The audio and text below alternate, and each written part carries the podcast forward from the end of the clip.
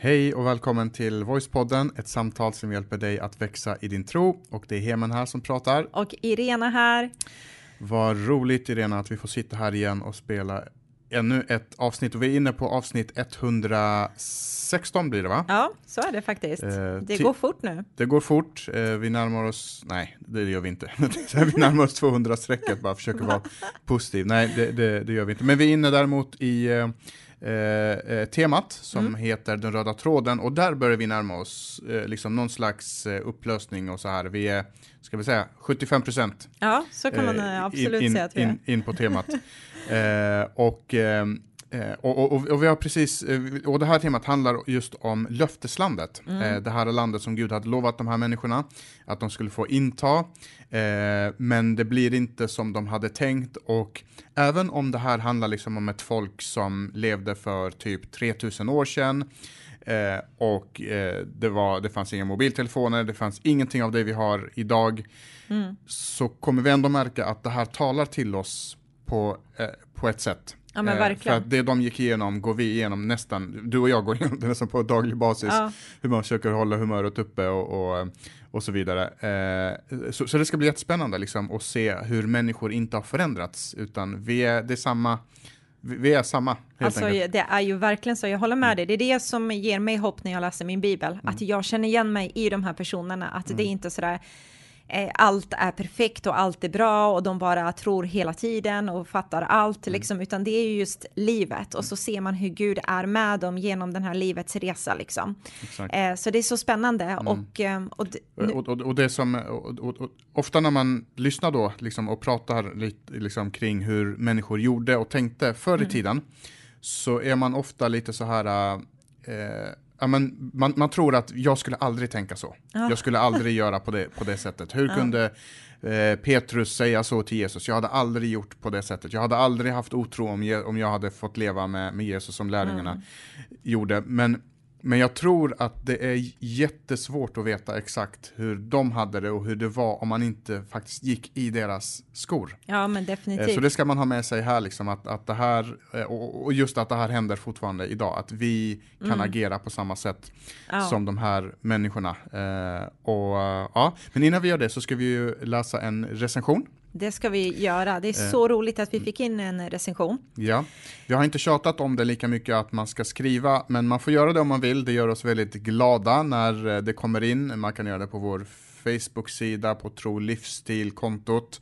Eh, och man kan göra det i Podcaster-appen och Mm. om man hittar något annat ställe, hitta.se eller så. Nej, jag tror inte vi finns med där. Men eh, eh, Vart du än kan skriva, skriv. Ja, precis. Och det gör mycket. Och det gör ju också att andra människor ser de här Ja. eh, och eh, tänker att hm, det här är någonting. Och på det sättet så kan man vara med och sprida det här fantastiska budskapet. Eller hur? Och sen är det ju kul att få recensioner eh, för det nya året, 2023, så att det inte bara blir liksom år 2020, 2021, 2022, utan gärna 2023, så att bara, ja men den finns fortfarande och folk lyssnar och den är aktuell och den ger mig någonting. Så om Precis, du känner så, Typ så här, var med. 2018, då fanns det en bra podd. Precis. Men nu läser vi. Ja. Eh, då är titeln så här, Ett ljus i mörkret och eh, fem stjärnor på det. Hej, er podd har betytt så mycket för mig. Ni förklarar bra, skrattar och är allmänt härliga. För drygt ett år sedan så var jag med om ett huvudtrauma vilket resulterade i att jag blev så ljuskänslig så kunde inte använda ögonen alls. Levde livet som en blind man i sex månader totalt. Ville så gärna läsa Bibeln men kunde inte det då. Man behöver använda ögonen för det såklart. Och en skrattande gubbe, så han har lite skön känsla där. Men då var det en kompis som tipsade mig om er podd. Er podd har gjort det möjligt för mig att ta del av Bibelns budskap trots att jag varit bunden till mörkret. Ett ljus i mörkret sannerligen. Nu är mina ögon på bättringsvägen. Tack Gud för det och tack Gud för er podd. Gud välsigne er och fortsätt med det ni gör och en bedjande hand. Och vem var det som skrev? Eh, Gurra. Gurra är det. Gurra 1337. Så stort tack för de orden Gurra och jag hoppas att ögonen är helt bra nu och eh, tack för att du tog dig tiden faktiskt att skriva det här till oss. Jag tror att det, Det, ger det, gör, hopp det, till gör, många. det, det gör mycket och det gör mycket för oss också. Det ska Ja. säga. Vi, är, vi är människor och alla som sysslar med poddande eller youtubande eller eh, musicerande eller vad det nu är. Eh, behöver höra att det man gör är viktigt för att man sitter i ett eh, rum och så är man helt ensam. Så ser man varandra och bara. så ser man bara varandra och så undrar man och så har man svårt att koppla det till att ja, men, tusentals människor kommer Ja. att få höra om det här och det kommer så, Ja. att, så att det är ju bra att få den här feedbacken. eh, Ja, men ibland. jättetack. Eh, och eh, vi borde vara andligare än så att vi inte behövde det, men, Ja. men vi behöver det ibland också. Ja, men det är fint. Det är fint. Mm. Eh, Men vi går in och pratar om dagens eh, tema tänker jag. Ja, men vi har verkligen fått följa folkets berg och dalbana sedan starten av det här temat. Liksom. Och nu så infinner vi oss i att folket har nu fått eh, lagen, de befinner sig vid berget Sinai. Eh, och så ser man att tabernaklet var upprättat, nu var de liksom ett folk under Guds styra, det är där vi är just nu. Och så får vi följa dem på den här resan mot löfteslandet Kanan, vilket jag tycker är väldigt spännande. Så vad Gud har gjort hittills är att han har tagit dem från slaveriet. Eh, vi pratade om det att han har befriat dem från den egyptiska armén. Sen har han beskyddat dem under den här dödsängeln som kom. Han har bevarat sitt folk och nu så växer folket till numerärt. Eh, och så ser man längs med den här resan mot det här löfteslandet eh, som är kanan att Gud är med dem, både via arken i tabernaklet eh, som är liksom där är Guds närvaro, där är Gud med sitt folk och så visar sig Gud också via en månpelare. Så när de ger sig iväg och marscherar där mot det här hoppet och löfteslandet så är Gud framför dem i en månpelare, vilket i sig är riktigt, riktigt häftigt. Eh, och det här kan man läsa om i fjärde Moseboken kapitel 10 om man vill liksom läsa den händelsen där Gud går före dem sådär på ett mäktigt sätt. Just det, och, och när det händer, alltså om, om, jag hade, om vi hade varit ett folk och så går det en månpelare framför oss, Ja. så, så hade man tänkt så här, då kan inget gå fel. Då Eller kan hur? liksom, då, ve- vem skulle ha misstro när man ser Gud så tydligt i detta? Ja. Eh, Men det som händer det är ju att de trodde att men det här skulle gå fort, det är så här 11 dagar så är vi framme eller, eller något Ja. sånt där. Men istället så tar det 40 år. Alltså några dagar jämfört med otroligt. 40 år. Alltså en, en, en del människor han liksom leva en hel, jag är ju 38, fyller 39 snart. Jag har Ja. inte ens hunnit leva så länge som de har vandrat eh, Mm. i, i öknen. Och då kan man undra, men vad var det som hände? Mm. Liksom vad, vad var det som hände bland folket? Vad var det som gjorde att eh, det dröjde? Blev Ja. vägen längre? Blev det dåligt väder? Eh, eller vad, vad var det som hände som gjorde att, att eh, vägen blev längre? Och det här är en bra fråga att ställa sig för att Mm. Det som hände dem, om vi kan ta reda på vad som hände dem och undvika det som hände dem, så kan vi förkorta saker som kanske kunde ha tagit mycket längre tid i våra liv Mm. genom de principer som vi kan lära oss här. Exakt, ja men det är ju så. Vi är ju människor som du sa i början där och man kan ta lärdomar av dem och, eh, och tydligen så är det ju någonting som har hänt som har gjort att de inte har kommit till skott liksom. Eh, och man kan se det ganska snabbt där. Alltså jag menar i, inom bara några timmar efter att de har gett sig iväg där mot löfteslandet så ser man ett skifte i hur de börjar kommunicera. Eh, och det första vi kan se här som vi kommer ta upp och prata lite kring som du och jag kan ta lärdomar av är att de började gnälla och de började att klaga. Så det första är att de klagar över sin situation. Vad är Alltså, skillnaden? ja, det är ju för sig väldigt, eh, det är ju samma, same same, but different ändå. Gnällig, då låter man mer så, ah, klaga är mer så här, måste man ju Ja. Men de klagade över... Vetenskaplig eh, definitionsförklaring fick vi där. Ja, Mm. absolut. Eh, så de klagade över situationen, eh, över att ah, men det här är ju så jobbigt, nu ska vi gå igenom liksom det här eh, ökenperioden och vi vandrar och vi är trötta och jag har ont i mina fötter, du vet allt det där. Och i fjärde Moseboken kapitel 11 och vers 1, då står det så här att folket började snart klaga över alla svårigheter och Herren hörde dem. Och så står det nästa grej här, han blev vred på dem. Och så stannar vi där. Eh, och när man läser hela där så ser man hur Gud sen visar på nåd och barmhärtighet. Men jag tror att det finns en lärdom kring det här Och, faktiskt. och här, här måste man nog bara stanna upp. Alltså, eh, dels så står det att Herren hörde dem Ja. och det är ju positivt att när vi ber, när vi klagar, när vi visar vår oro så hör Gud oss. Mm. Men så blev det att han blev vred. Eh, och då tänker jag så här, lite så här, oh oh. Alltså man vill inte att Gud ska bli Mm. Nej. vred på en. Och det Nej. kanske inte är den bilden heller som vi pratar så mycket om i kyrkan, att Gud faktiskt kan bli arg och, Mm. och vred på vissa saker. Ja, ja, men så är det. För att som du säger att Vi hör väldigt ofta, och vi har själva sagt det när vi har pratat här i podden, att Gud tål när vi undrar. Mm. Alltså Gud tål när vi uttrycker vår oro, till och med när vi kanske klagar. Men det finns också en gräns. Det är lite som att likna med, du vet, som en far som tar emot sitt barn, som är den här treåringen som bara är jätteledsen för att den inte fick sin klubba. Mm. Den vet inte bättre, den liksom skriker där och gråter och gnäller över det och man tänker världen kommer gå under. Barnet alltså? Alltså barnet, mm. ja precis. Men en, en, en, god förälder drar ju sin gräns. Mm. Säger så här, nej men nu lilla Arvid, nu räcker det med att skrika och gnälla på det här sättet, det är inte okej. Okay. Mm. Och vad man gör är att man skjuter inte bort barnet, utan man sätter gräns för beteendet, man sätter gräns för attityden, men så omfamnar man det och försöker fostra den. Mm. Eh, och det ser vi också här i den här situationen, att när de klagade så uttryckte Gud, hej, det här är inte okej. Okay. Mm. Men så fort de vände om i hjärtat så var Gud där och visade på nåd och barmhärtighet. Och det, det de klagade över, det var ju inte små saker, liksom bara att mm. det var grus i, i, Skon. i skorna eller det skavde någonstans eller så här, utan det var ju alltså stora saker. Eh, eh, och det kan man läsa bara någon, eh, tre verser ner i fjärde Moseboken eh, kapitel 11 och vers 4. Vi läste vers 1 nyss. Mm. Eh, och då står det så här att då började hopen av löst folk bland dem att längta efter det goda som fanns i Egypten. Alltså de började till och med längta tillbaka till mm. slaveriet. Ja. Så, alltså, så illa tyckte de att det var att mm. det hade varit bättre att vi gick tillbaka och var slavar. Också bland Israels folk började man klaga. Och så sa man så här, om vi ändå hade lite kött att äta. Tänk om vi hade lite av det, eh, den goda fisk som vi fick i Egypten. Så mycket vi önskade. Eh, och eh, gurkor och meloner, purjolök, rödlök och vitlök. Mm. Och så står det här, och det här är lite så här, ja, vi tappar matlusten av att inte ens se annat än manna varenda dag. Mm, här måste man pausa alltså. För det, det de säger här i sista raden är ju väldigt chockerande. Alltså vad de säger i princip är, när de säger vi tappar matlusten av att inte se något annat än manna varenda dag. Manna var ju det här miraklet mm. som Gud gjorde för dem. Alltså det här fröet som kom från ovan som gjorde att de kunde göra bröd och, och äta sig mätta av det. Så varje dag så fick de se ett mirakel. Mm. Tänk, tänk, om du och jag kunde få se ett mirakel varenda eviga dag. Mm. Eh, och det är det miraklet eh, här som man börjar klaga på. Att, ja, men miraklet blev plötsligt en, en självklarhet. Det som mm. var onaturligt, eller övernaturligt ska jag säga, blev plötsligt för dem som om det regnade vatten. Ja. Eh, och, och så kom den här otacksamheten över det här. Och jag ska ändå säga det att jag kan förstå att får jag bara äta bröd varje dag mm. så kan det upplevas lite jobbigt efterhand. Men grejen var att det här var bara en kort period. Mm. Alltså det fanns ett löfte om att ni kommer komma in i löfteslandet. Det hade inte behövt ta så lång tid.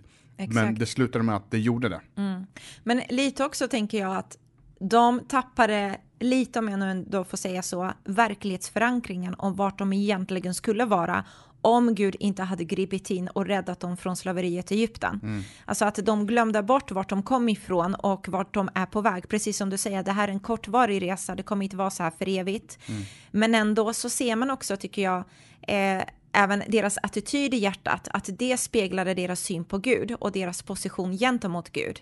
Eh, och det är så lätt för oss människor, och jag har själv gjort det, liksom att det är så lätt att man förskönar historien. Alltså du vet det här som var förr, att när du går igenom en process eller du är på väg mot någonting, att när det blir ett litet vakuum där längs med resan, eller att när man känner att det är lite jobbigt, det är lite grus i skon och så vidare, så blickar vi bakåt och tänker att det där var ju så himla bra. Åh, vad jag längtar till purjolöken och vitlöken och köttet vi fick äta liksom.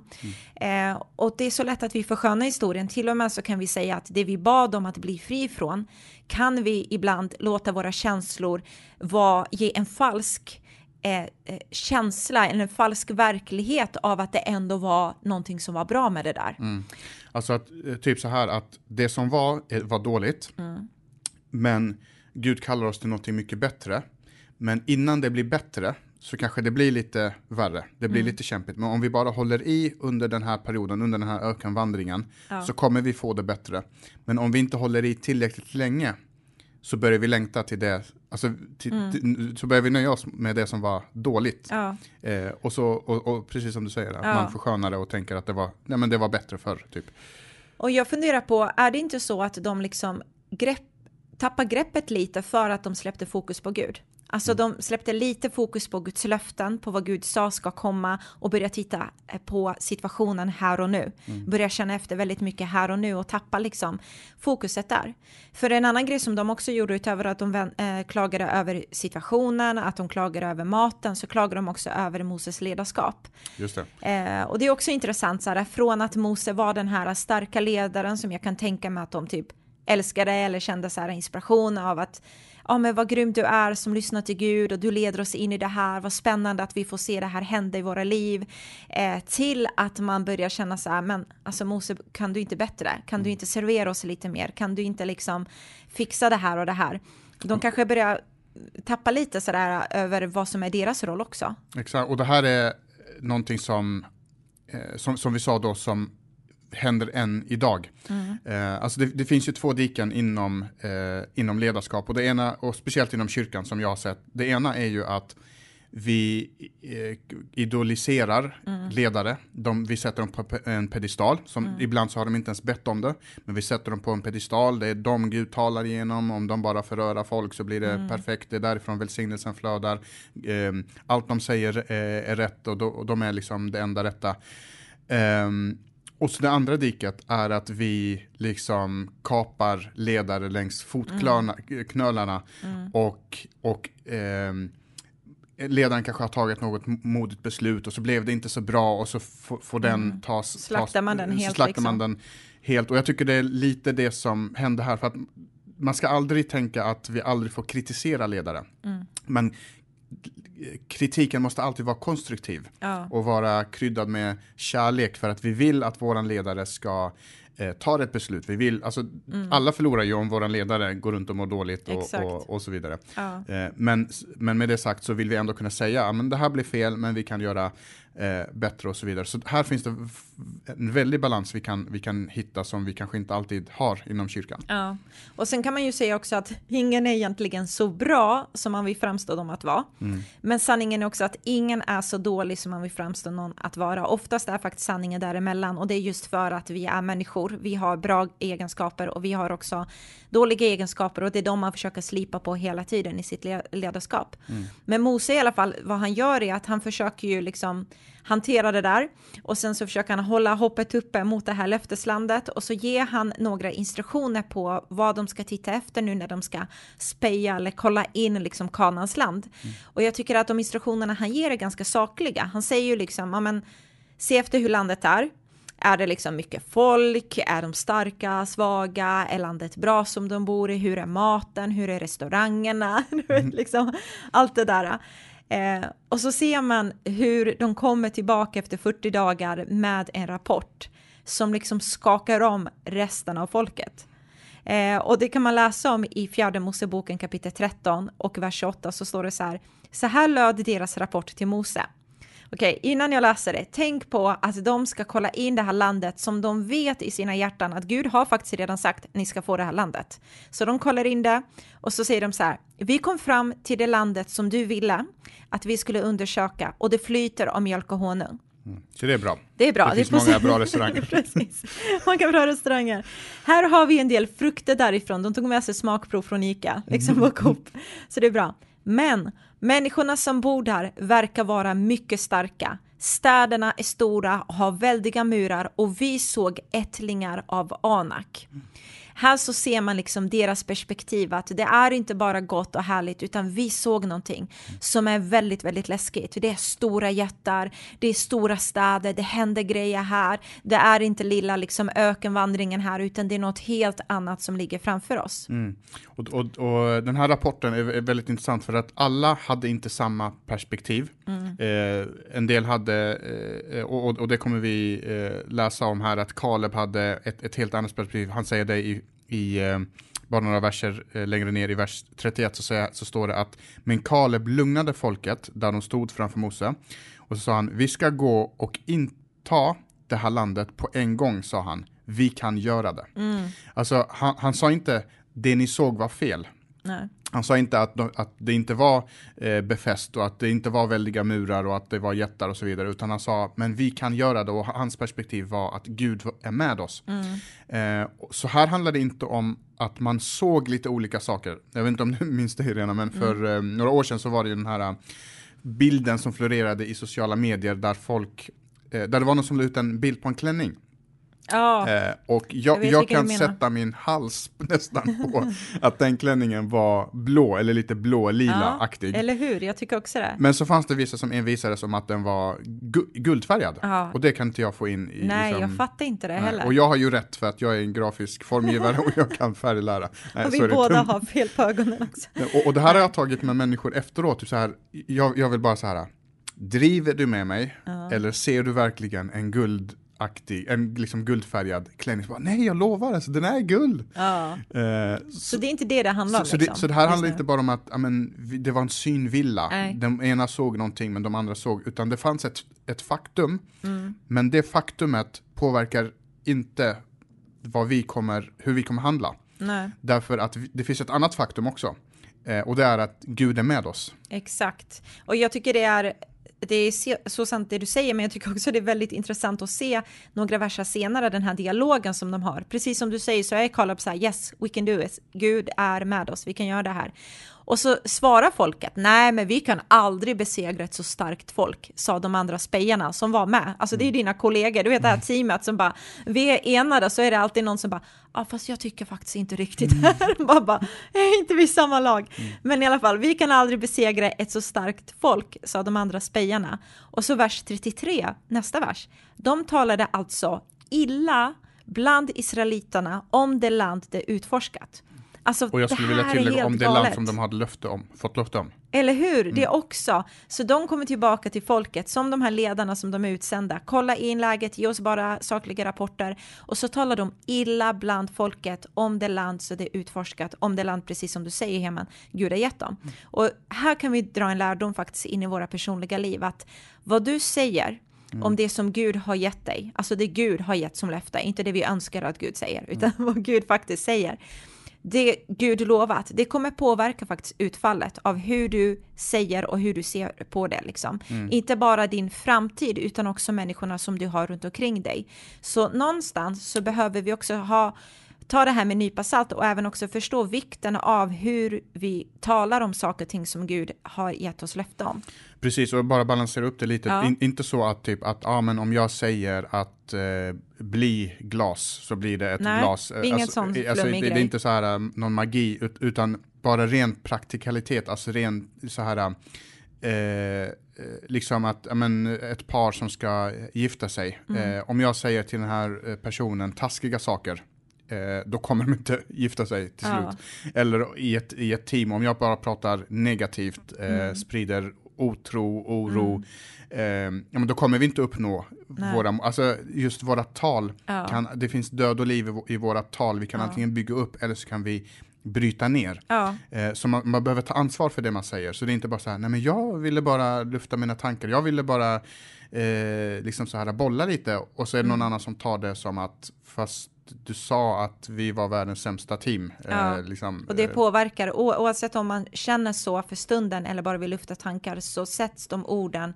in i någon annan person, persons hjärta och det påverkar. Mm. Så det blir små frön som man sår in i människors liv. Liksom. Mm. Men det jag tycker är intressant här med Caleb är att han blundar inte för verkligheten. Det står inte, precis som du säger, att han bara, nej men det är inte sant att det finns ettar, mm. eh, eller något sånt där. Men däremot så ser man en sund eh, attityd hos honom och det är just det här att han visste att Guds löften är så mycket större för han har ju hört tidigare om generationer innan som har pratat om hur Gud har varit trofast genom Abraham, Jakobs och Isaks Gud och sen så vet han om att för Gud är allting möjligt. Har han tagit oss ut från slaveriet mot det här löfteslandet så kommer han ta oss in hela vägen in liksom. Och jag blir jag vet inte vad du känner hemma, men jag blir i alla fall utmanad av just Kalebs tilltro på Guds karaktär. Jag tycker den är eh, föredömlig. Eh, just att kunna våga vara så modig som han var kring Guds löften, att det är faktiskt en, en sann verklighet. Eh, mer än det jag bara kan mäta och känna, uppleva och se och kalkylera liksom. Eh, så det tycker jag är häftigt. Men det här eh, negativa pratet, eh, det, det liksom fortsätter. Det är det som är så sorgligt på ett sätt. Eh, så i fjärde Moseboken som vi är inne i, kapitel 13, och sen vers 33-34 där, så säger de också så här att eh, eh, först så pratar de illa bland israeliterna, och så säger de eh, landet som vi vandrat genom utforskat förtär sina invånare. Mm. Människorna vi såg var mycket kraftigt byggda. Vi såg en del anarkiter där, ättlingat, jättesläkten och så säger de det här. Vi kände oss som gräshoppor framför dem och så var vi nog också i deras ögon. Mm. Och här är det också en sån här intressant sak som händer hos dem att deras fokus gick från att de ska räkna med Gud, från att räkna med att Gud faktiskt har gett oss det här, till att de nu ska fixa det här i sig själva. Och jag tror att det här är någonting som vi kan ta till oss i våra personliga liksom, liv, i vår efterföljelse till Jesus, att varje gång jag själv släpper blicken från Jesus, mm. från Guds löften, från att han ska göra det här och börjar titta på mig själv istället, då blir jag förskräckt. Mm. Alltså då, då kommer jag se att jag räcker inte till, jag kommer känna mig överväldigad, jag kommer känna mig liten, jag kommer känna mig eh, stressad, ångestfylld, otillräcklig för att jag i mig själv kan inte få Guds löften att bli en verklighet. Mm. För när Gud ger löften om någonting så innebär det att det är hans kraft och hans, liksom, eh, han är den som behöver få det här att bli eh, till en verklighet. Ja men exakt och, och det här handlar också om men våra försök till att eh, Alltså, när, när, vi blir frälsta så får vi Guds, eh, genom Guds nåd förlåtelsens gåva. Mm. Eh, och tanken är inte att vi ska fortsätta synda och att vi ska fortsätta bete oss illa eller vad, det nu är. Men det kan också hamna i ett dike att jag tror att nu är det jag som ska fixa det mm. helt själv. Jag är, inte, jag är inte helt frånkopplad ifrån det för att jag har en fri vilja och jag kan inbjuda Gud i det här. Men om jag bara fokuserar på mig själv, vad jag ska sluta upp med, vad jag ja. ska göra. Det finns ingen kraft i det, utan kraften ligger i att jag, jag omvänder mig, jag vill göra bättring, men Gud, nu måste du kliva in och hjälpa mig. Hjälp mm. mig helig ande, hjälp mig med dina frukter, i, låt mig få se dina frukter i, i mitt liv. Um, eh, och så vidare. Uh, och, och storyn fortsätter ju, uh, folket blir förskräckta och så vägrar de att gå in i det landet för att de är helt övertygade om att om vi går in i det här landet då kommer bli, vi bli uh, för, förgjorda. Alltså vi kommer förgöras. Mm. och i, vers, i kapitel 14 och vers 3, vi är fortfarande inne i fjärde Moseboken, Eh, eh, så, eh, så säger han så här, varför leder herre oss, Herren oss in i det här landet? Alltså mm. nu handlar det inte bara om perspektiv, utan nu handlar det om att nu börjar jag ha misstro mot Gud. Mm. Att Gud leder oss in i det här för att låta oss dödas här. Det, det är typ som att Gud håller på att gillra en, en fälla åt oss. Mm. Och så står det, vi kommer att dödas och våra hustrur och små barn kommer att tas som byte. Låt oss försöka komma härifrån och återvända till Egypten. Ja, det är helt galet. Alltså mm. det, det, kräver en tyst minut bara att tänka på vad är det de säger. Alltså de vägrar gå in i det landet som Gud har tagit dem, eh, som Gud har gett dem löftet om att det är här som liksom löfteslandet är för er. Jag har tagit er ut från Egypten mot det här och så säger de vi vill tillbaka till Egypten. Och deras respons visar inte bara på en alltså på en fruktansvärd otacksamhet, men också på otro till vad Gud har sagt. Otro till att Gud faktiskt håller sitt ord. Mm. Eh, och det här är en gång många lärdomar som vi tar till oss, men lite sådär också i våran personliga liv att när det inte blir som vi tänker oss, du vet, enligt vår egen tidsschema så är det så mycket lättare att gå tillbaka till det som Gud har räddat oss från än att lita på att Gud har faktiskt fortfarande koll på läget. Även om jag inte kan se framåt, jag kan inte alla steg fram, så vill jag ändå lita på att Gud är med mig. Att jag någonstans behöver lita mer på Guds hand Eh, eller jag behöver lita mer på Guds hjärta än på att se bara, ja men är Guds hand över det här eller liksom hur ser det ut i det mänskliga och så vidare. Ja men bara lita på att Gud har mitt bästa ja. eh, i liksom, eh, för ögonen. Han, han, vill, han vill mitt bästa och, och, att, man, att jag kan lita på det. Mm. Eh, och, och det som händer i det här också, det är ju att det som, det som var ett löfte, det som var ett mirakel, börjar mm. plötsligt bli ett problem. Eh, och än en gång, så kan det se ut i våra liv också. Alltså att det vi bad om, ja, man ber om någonting mm. och så exakt det jag fick börjar till slut se som ett, ett problem. Eh, att till exempel att ja, men jag, jag längtar så mycket efter att få eh, tjäna Gud i Guds rike och, och så vidare. Och sen några år senare så, så börjar jag prata om att ah, nu tar Guds rike och liksom kyrkan all min tid. Jag har inte ens nå- någon egen tid. Nu blir det liksom ett, ett problem. Och där bör man hitta balansen, så missförstå mig inte. Liksom. Nej, men ändå, Eh. liksom, och det är det här, man känner igen det från, man har ju hört det också, det här från att man längtar efter en partner till efter no, eh, ett par år, ja men man börjar gnälla över, gud varför gav mig den här personen? Liksom, Va, så tycker man att det är så jobbigt i relationen och så vidare. Och från att Gud tog oss från syndens grepp till att man lockas tillbaka och tänker, men det var väl ändå bättre förr, det var så kul när jag gjorde det här, jag var en sån härlig person när det här och det här hände, E- eller, så, ja, eller något annat liksom. Eh, Och, och det som också är i det här att, att när Gud ger ett löfte så betyder inte det att nu får du ett löfte så nu kommer allting vara smärtfritt. nej. Nu kommer allting komma gratis. Nu kommer du kunna sitta på din soffa och med armarna i kors och bara vänta och så kommer allting serverat till dig. Utan vi, vi går liksom med Gud och det är inte smärtfritt, det kommer finnas hinder. Men Gud har ändå sagt att löftet är ert och ni kommer få ta del av det. Eh, Alltså en grej jag tänker på varför jag reagerar kring deras reaktion är just det här för att man kan inte se någonstans där Gud har gjort något eller sagt något som har fått dem att undra och ifrågasätta, kommer han vara med oss den här gången? Alltså det finns inga indikationer på att Gud liksom bara är lite ambivalent och man, man säger, ja fast man vet ju aldrig riktigt med honom där när vi väl kommer in i löfteslandet om det går hela vägen.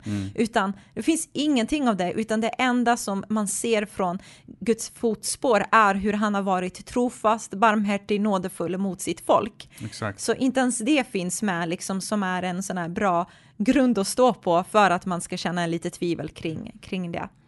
Exakt, eh, precis. Och det enda är väl just det här att, att det blev tufft i öknen Ja. Mm. un, under en begränsad tid. Men det tar inte bort att löftet kommer komma ändå. Mm. Men så finns det två personer i hela den här berättelsen och det är ju Josua och Kaleb som vi har varit inne på. Eh, och de har ett helt annat perspektiv i det här. De är inte perfekta på något sätt, de är inte syndfria, eh, men det är deras hjärtas attityd som är annorlunda än vad eh, resten av det här spejar, den spejargruppen och sen då hur det här smittar av sig eh, eh, Till folket, la- ja. Precis. Eh, och så eh, står det så här i eh, vers 9 då, kapitel 14, vers 9. Eh, så, st- så, så står det så här att, jag tror det, de säger så här, gör nu inte uppror mot Herren, ni behöver inte vara rädda för folken som bor där. De blir en munsbit för oss. Eh, alltså, de, de ena såg, eh, såg det som att vi är gräshoppor i deras Ja, ögon. Och de exakt. här säger, de, de kan vara en munsbit för oss. Deras beskydd är borta, men Herren är med oss. Så anledningen till att vi inte behöver vara rädda inte för att jo, vi är, vi är många nu, vi har bra vapen eller vi kommer klara det här, utan det är Gud är med oss. Det är det som är eh, an- anledningen. Och så fortsätter de, hör nu upp Eh, hör nu upp eh, med att vara rädda, alltså sluta vara rädda eh, kring det här. ehm, och, och där, de visar verkligen det här perspektivet att det är inte på grund av att vi är duktiga i oss själva, utan för att Gud är med oss. Gud kommer uppfylla sitt löfte. Exakt. Och det är häftigt att han pekar på just det där att Herren är med oss. Och en fråga man kan ställa sig där är väl lite det här, alltså blev det lite för vardagligt? Att just det här att man, att man tappar liksom eh, förståelsen för vad de här orden Herren är med oss liksom, eh, betyder. Att Guds närvaro bland dem har blivit någonting som de nästan tar för givet med tanke på att Gud var där så starkt närvarande genom arken, tabernaklet och liksom, du vet allt det där och Gud gick före dem.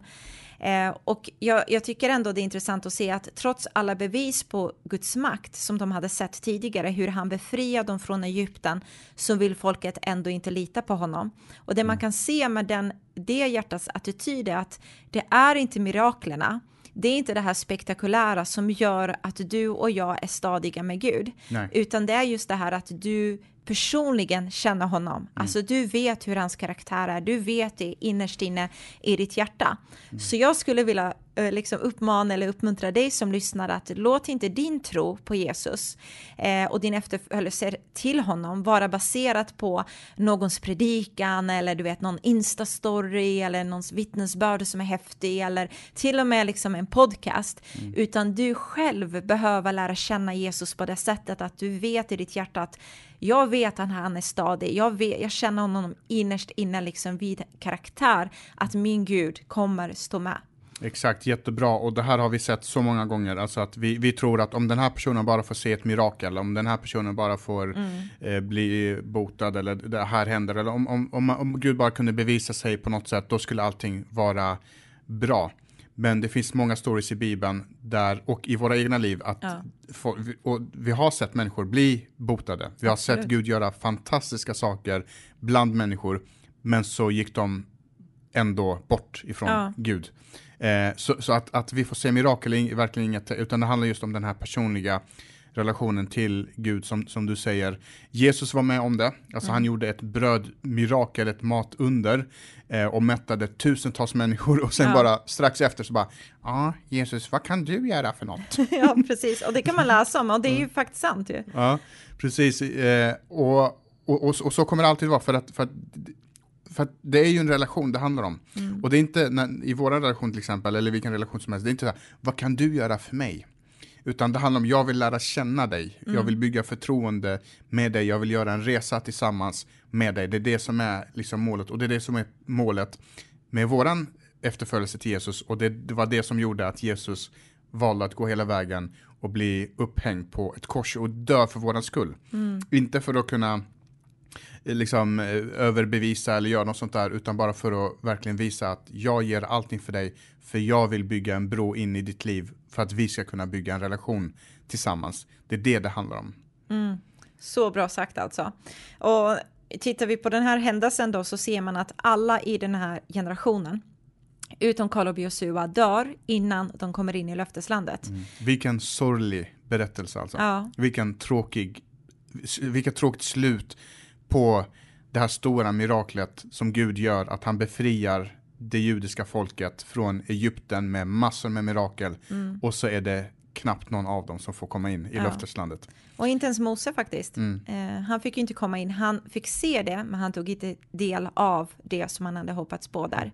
Och eh, i eh, Nya Testamentet så talar Paulus om det här. Han berättar om den här händelsen i första Korinthierbrevet 10 och i vers 6 så säger han så här att ehm, han berättar att deras öde är nästan som en varning för oss för att han säger så här, detta har hänt som exempel för att vi inte ska lägga våra hjärtan på onda saker som de gjorde.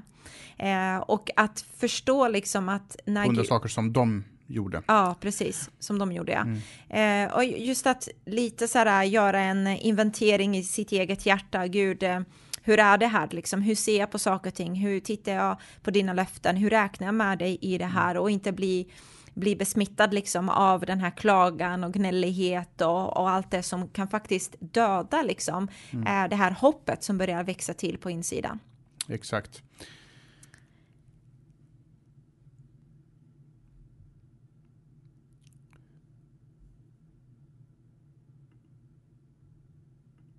Vi avslutar så och sen så kör vi ett nytt avsnitt. Du får avsluta.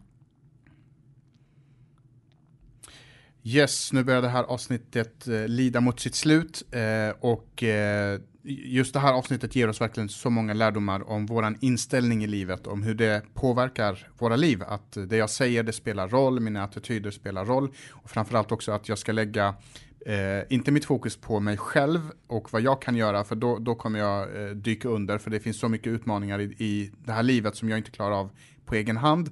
Och lösningen är inte att se mig i spegeln och säga jo Hemen, du klarar det visst. Ja. Utan lösningen är att tänka att Gud är med mig, han kommer att hjälpa mig genom det här. Eh, så det här blev ett lite längre avsnitt än vanligt, men i eh, nästa avsnitt så ska vi fortsätta eh, prata kring det här, men kanske också lite mer utifrån våran vardag och vad det här får för praktiska implikationer. För jag tror att det finns så mycket lärdomar som man kan få ut eh, ur det här. Absolut. Eh, så tack för att du lyssnade. Eh, sprid den här podden om du tycker att du lär dig någonting. Om du lär dig någonting så kan du vara säker på att många fler sk också skulle göra det. Så sprid det här så får du ha en underbar vecka. Till dess så syns vi snart igen. Det gör vi. Ta hand om dig. Hej då! Hej då!